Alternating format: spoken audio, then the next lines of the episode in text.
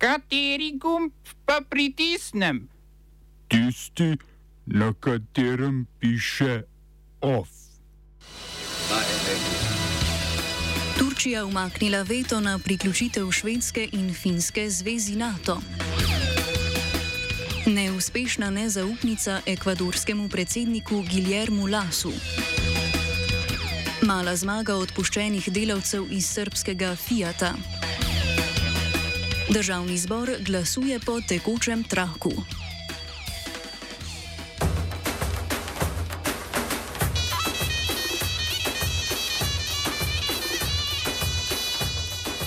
Turčija je umaknila veto na priključitev Švedske in Finske k NATO. Na včerajšnjem sestanku samodržca Rečepa Tajipa Erdoana, finskega predsednika Saulija Ninistova in švedske predsednice vlade Magdalene Andersom pod nadzorom generalnega sekretarja Zveze NATO Jensna Stoltenberga so se namreč dogovorili o vzajemnih korakih. Medtem ko sta Švedska in Finska s tem dobili možnost priključitve vojaškemu zavezništvu za ohranitev zahodne hegemonije, je bil Erdoan veliko uspešnejši v pogajanjih. Finska in Švedska sta se obvezali, da ukineta embargo na prodajo orožja katerikoli članici NATO, s tem pa tudi Turčiji.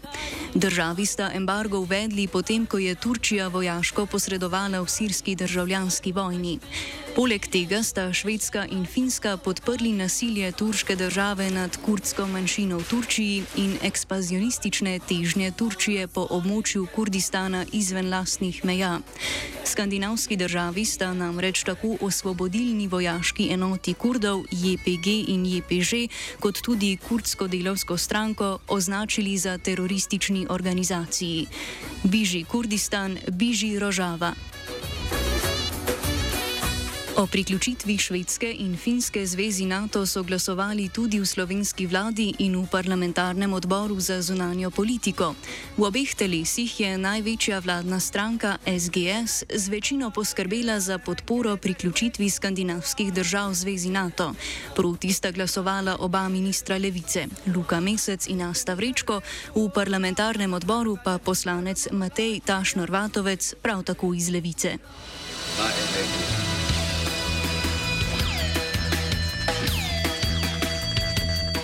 Ekvadorski parlament kljub več kot dva tedna trajajočim množičnim protestom zaradi draženja energetike, podkrepljenim s policijskim nasiljem, ni izglasoval nezaupnice predsedniku Guillermu Lasu, ustanovitelju neoliberalne stranke Ustvarjamo priložnosti. Za odstavitev je glasovalo 80 poslancev iz opozicijskih strank Zveze za upanje pod vodstvom Rafaela Koreje, gibanja domorodcev in večnacionalnega gibanja Pača Kutik, ki je glavna gonilna sila protestov. S tem jim je zmanjkalo 12 glasov za dvotretinsko večino. Odstavitev so opozicijski poslanci predlagali potem, ko je predsednik Lasov prekinil pogajanja o prekinitvi demonstracij z Leonidasom Iso, predstavnikom protestniškega gibanja starosilcev, ki so z blokadami prometnih povezav v 19 od 24 pokrajin uspeli zmanjšati dnevno količino načrpane nafte za polovico. Po dobrem mesecu dni protestiranja, pogajanj in nasploh borbe za delovske pravice so delavci v kragujevški avtomobilski industriji izbojevali pomembno bitko proti interesom tujega kapitala in domače vlade.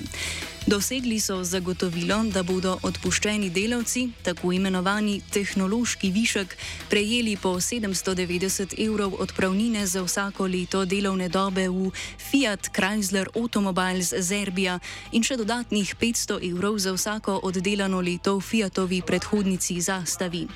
Izplačilo je do konca današnjega dneva obljubila premijeka Ana Brnabič, čeprav še vedno ni znano, kdo bo odpravnine v celoti poravnal država ali podjetje Stellantis, ki je večinski lastnik in je več kot 1500 delavcev potisnilo v eksistencialno krizo. Delavci so prejeli tudi novo ponudbo v zaposlitvi v tujini. Potem, ko je Stellantis ponudil neprekinjeno dvoletno zaposlitev v tujini, jo je nekoliko omilil na dvoletno delovno dobo po etapah in zagotovljeno zaposlitev v Kragujevcu, ko bo čez dve leti vzpostavljena industrija električnih avtomobilov. Hkrati je država ponudila nekaj delovnih mest v vojaški industriji Republike Srbije. Smo se osamosvojili, nismo se pa osvobodili. Da se naštejete še 500 projektov. Izpiljene modele, kako so se strani nekdanje LDS rotirali. Ko to dvoje zmešamo v pravilno zmes, dobimo zgodbo o uspehu. Takemu političnemu razvoju se reče udar. Jaz to vem, da je nezakonito, ampak kaj nam pa ostane? Brutalni obračun s politično korupcijo.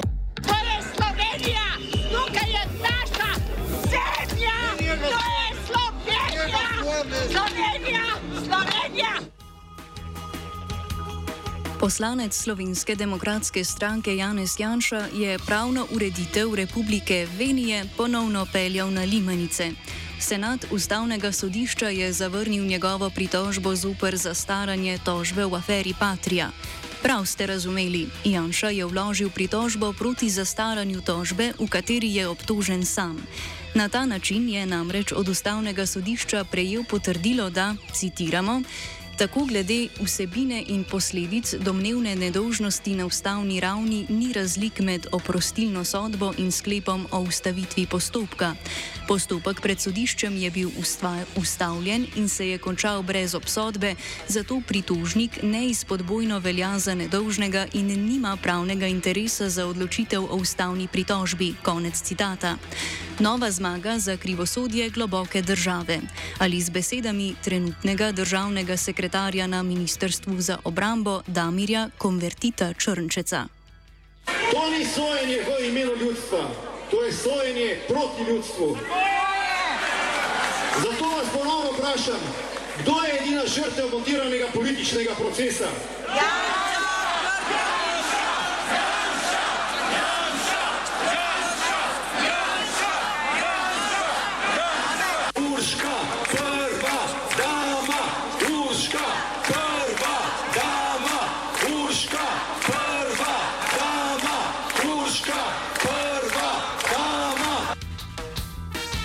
Državni zbor danes glasuje kot po dobro podmazanem tekočem traku. Glasujejo namreč o zakonih, o katerih so zadnja dva dni razpravljali. Proticepilsko javnost pod vodstvom nekdanje Šiškove vrdovalke Anice Bidar je najbolj razburila sprejeta novela zakona o nalezljivih boleznih, ki so jo pripravili v pravni mreži za varstvo demokracije. Novelo sprejeto po hitrem postopku so podprli v koaliciji, proti so glasovali v SDS, v NSI pa so se glasovanja vzdržali. Prenovljeni zakon strože kot doslej omejuje vlado pri vseh tistih ukrepih, ki bi lahko posegli v osnovne pravice posameznika.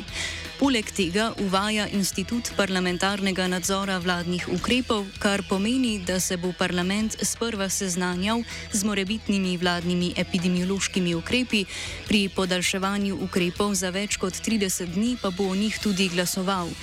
Novela ohranja prakso singularnega reševanja javnega zdravja, saj ne uvaja obveznega cepljenja proti COVID-19, prav tako ne predvideva dodatnega zapiranja šol in ne nalaga obvezen, obveznega nošenja mask v šolah.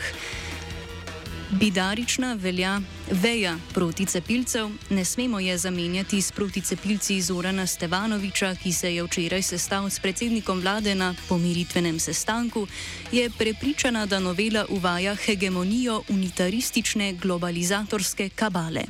A veste, kaj odmeva v tisti dvorani? Vsi so isti, isti, isti, isti, čisto drugega. Zdaj se bodo eno uro prepocavali, kdo ne bo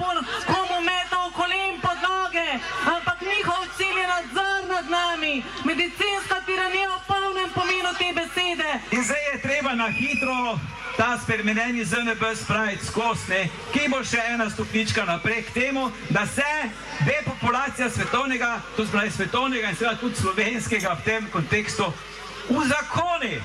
Ta zakon, poslanke in poslanci, bo veljaven, ko boste prebrali mnenje ustavnika dr. Andraza Terška, ko boste poslušali vse, kar vam ima zapovedati in ko boste to tudi pisali v zakonodajo.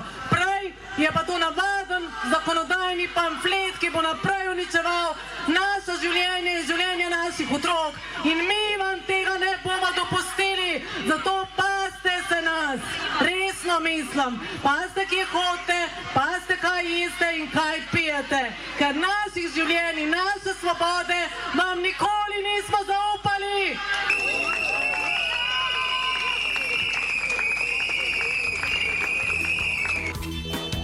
Poleg novele zakona o nalezljivih boleznih je državni zbor v prvem branju potrdil primernost za nadaljno obravnavo dveh opozicijskih zakonodajnih predlogov. Na pobudo Daniela Krivca iz Slovenske demokratske stranke so soglasno podprli predlog zakona o izvajanju uredbe EU o evropskih ponudnikih storitev množičnega financiranja za podjetnike, preprosteje zakon o pospešenem javnem financiranju malih in srednjih podjetij. Potrdili so tudi novelo zakona o preprečevanju omejevanja konkurence, saj trenutni zakon ni v skladu z direktivo Evropske unije.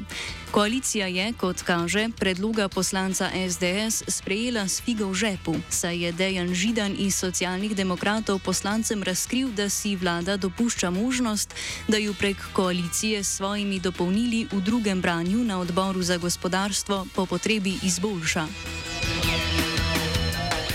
Slabše so jo odnesli predlogi opozicije, natančneje novela zakona o lekarniški dejavnosti, sprememba zakona o graditvi objektov na mejnih prehodih, novela zakona o štipendiranju, novela zakona o slovenski tiskovni agenciji in predlog o razglasitvi občine Brežice za mestno občino.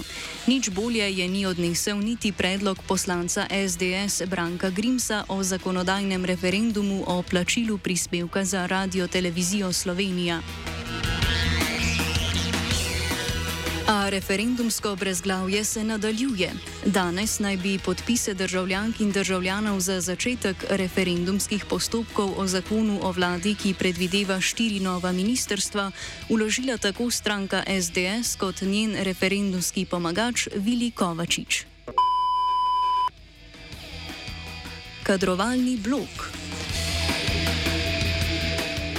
Po manj kot dveh letih z položaja odstopa predsednik uprave slovenskega državnega holdinga Janez Žlak iz kvote Slovenske demokratske stranke in tako odpira vrata zamenjavam uprav in nadzornih svetov Telekoma Slovenije, Luke Koper, Pošte Slovenije, državnih energetskih in drugih družb, v katerih je SDS zadnji dve leti neumorno kadrovala. Žlak se je z vlado dogovoril za sporazumni odhod.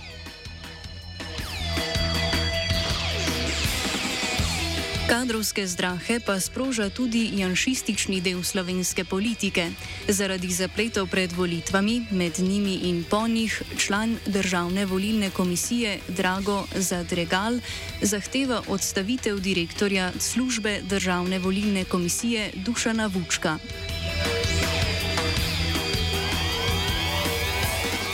OF je pripravil Virant.